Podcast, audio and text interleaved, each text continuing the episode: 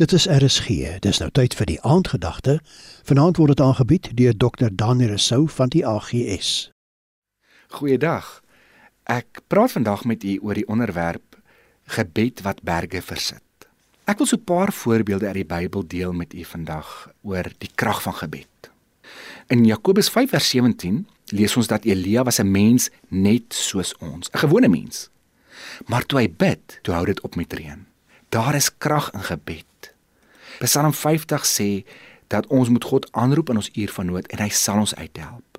God antwoord steeds gebede. Glo jy dit?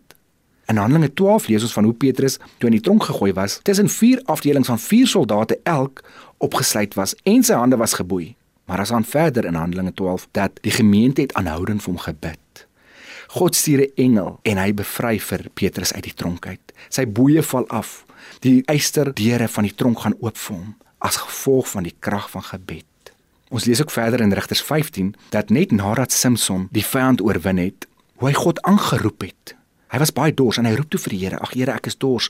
Geef my 'n bietjie water." En God laat 'n fontein opborrel uit hierdie woestyn uit. Samson noem toe hierdie fontein Roepersfontein.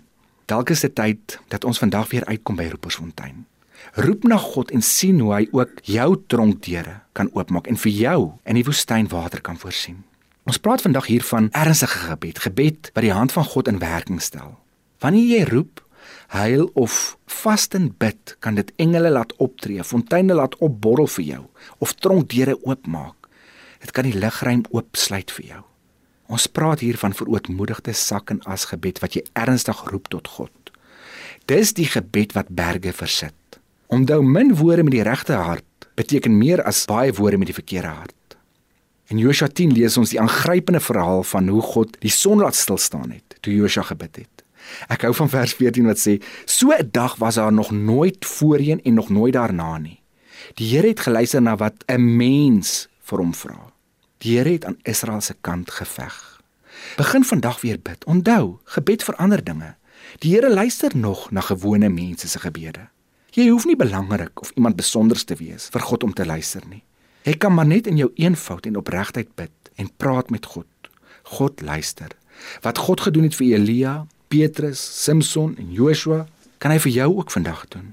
Kom ons bid saam. Here, ek kom vandag na U toe in die naam van U seun Jesus Christus. Hier waar ek vandag in my woestyn en my droogte is, wil ek vra dat U ook vandag die reën in my lewe sal stuur vir my. Ook die boeye in my lewe sal losmaak, Here. Hou my vas. As U die son kon laat stil staan vir Joshua wat gebid het, Here, weet ek U kan ook vir my dit doen, Here.